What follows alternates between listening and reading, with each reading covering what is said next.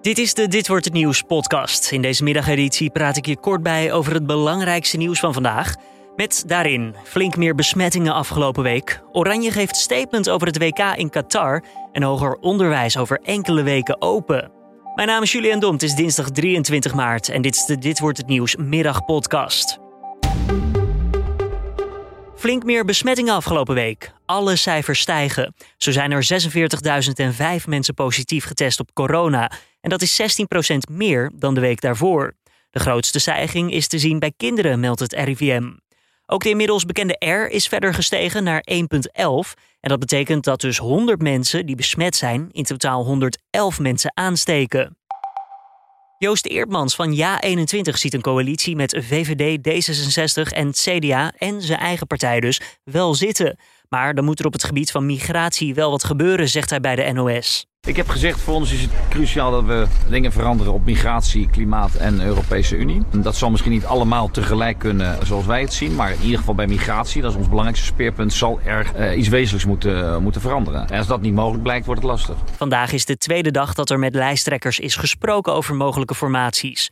Voor 30 maart moeten verkenners Annemarie Jortsma en Kaisa Olongren het eindrapport afgerond hebben. Het hoger onderwijs gaat over vijf weken weer beperkt open. Dat zou het kabinet vanavond bekendmaken tijdens de persconferentie.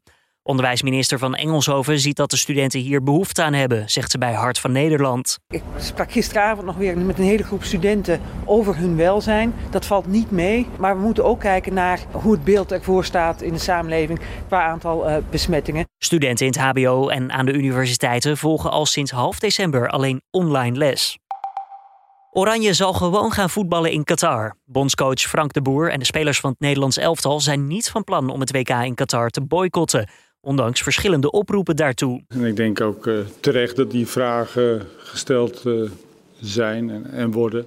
Uh, we weten allemaal wat daar is gebeurd en misschien nog steeds gaande is. Daarmee doelt de boer op de duizenden arbeiders die zijn omgekomen bij de voorbereidingen van het toernooi in Qatar. Oranje wil de mensenrechtenkwestie daar ter plekke onder de aandacht brengen. Maar eerst moet het team zich nog wel eventjes kwalificeren. Morgen spelen de Leeuwen hun eerste kwalificatieduel tegen Turkije. Die begint om 6 uur s avonds. De man die in juli vorig jaar met zijn auto een school in Grotebroek binnenreed, krijgt 18 maanden celstraf, waarvan 6 voorwaardelijk. Ook is de man schuldig bevonden aan vernieling en bedreiging van de docenten. Toen de man de school binnenreed, was het afscheidsfeest van groep 8 bezig. 60 mensen waren binnen, onder wie 15 kinderen. Volgens de OM was de man boos omdat zijn zoon in een andere klas was geplaatst. De Amsterdamse dierentuin Artis heeft met hun Vergeet Artis niet actie al ruim 1,3 miljoen euro opgehaald.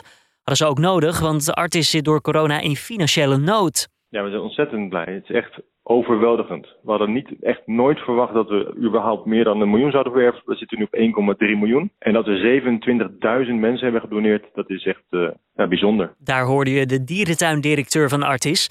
En donateurs konden het heel persoonlijk maken. Donateurs en, en, en mensen die Artis wilden steunen, die konden aangeven waar het voor gebruikt zou worden. En de overgrote meerderheid heeft aangegeven voor de, de dieren en de dierverzorging. Dan nog eventjes het weer van Weerplaza. Het blijft droog bij een mix van wolken en zon. De temperatuur ligt rond de 11 graden. Morgen begint op veel plaatsen ja, het weer wat zonnig. Het wordt ietsjes warmer, maar er kan wel af en toe nog een buitje vallen. En volgende week wordt het trouwens helemaal top, want dan kan het 20 graden worden. En dan nog eventjes een bizar verhaal uit de Amerikaanse staat Ohio. Daar worden namelijk bij een appartementencomplex auto's weggesleept als ze te lelijk zijn. You've heard of DWI driving while intoxicated, but how about PWP, parking while poor? Ja, roestbakken, auto's met een platte band of gedeukte wagens kunnen daar weggehaald worden omdat ze dus niet voldoen aan de schoonheidsidealen van de bewoners. Drie tot vier auto's per dag krijgen een sticker met de melding dat ze hem weg moeten halen. En uiteindelijk worden ongeveer twee auto's per maand ook daadwerkelijk weggesleept. Dankjewel voor het luisteren. Dit was weer de Dit Wordt Het Nieuwsmiddag podcast. Tips of feedback altijd welkom. Laat het even weten via podcast.nu.nl. Ik wens je voor nu een fijne dinsdag. Ik zeg tot morgen weer, want dan zijn we er weer in de app en op nu.nl.